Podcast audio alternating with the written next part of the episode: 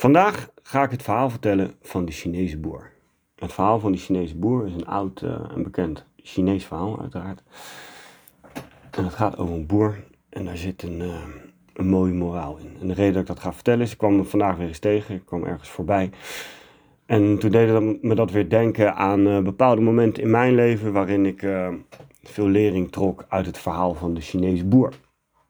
Dus, ga zitten en luister. Er was eens een Chinese boer.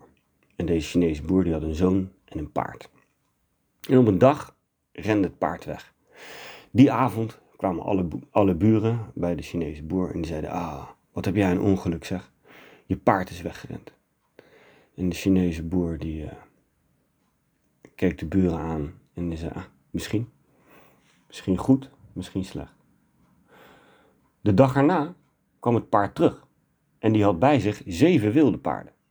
Dus die avond kwamen weer alle buren naar de boer. En die zeiden: Wow, wat heb jij een geluk! Je hebt nu in één keer acht paarden in plaats van één. Waarop de boer naar zijn buren keek en zei: Misschien. Misschien goed, misschien slecht.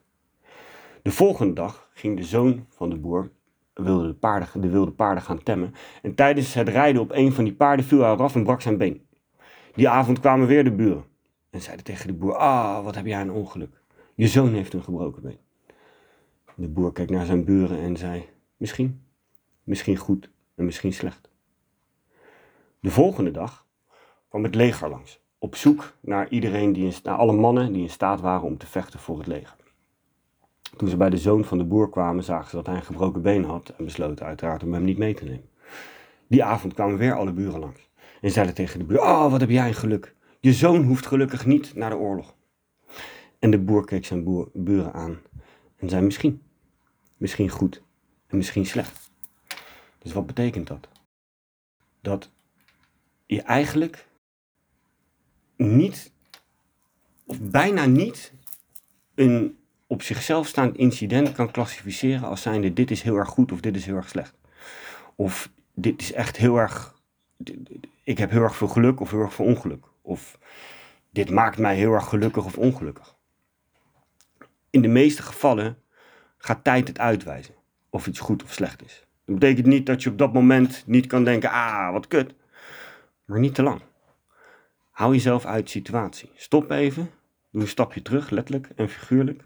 En kijk even naar de situatie. Wat gaat mij dit brengen? Is dit positief of negatief? Ik heb zelf ook echt veel momenten gehad in mijn leven dat toen, waar ik in het moment dacht: oké, dit is echt het vreselijkste wat me kan overkomen.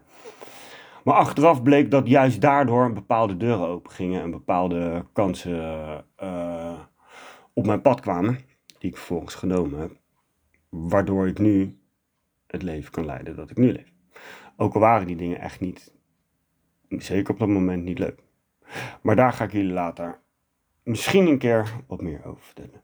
Voor nu, denk aan die Chinese boer en neem zijn les ter harte. Wat er ook gebeurt, het is misschien goed of misschien slecht. Ook al lijkt het op dit moment of heel erg goed of heel erg slecht. Dat was hem. Ik hoop dat jullie er wat mee kunnen. Check out sebastiannieuwland.nl op Instagram of de website.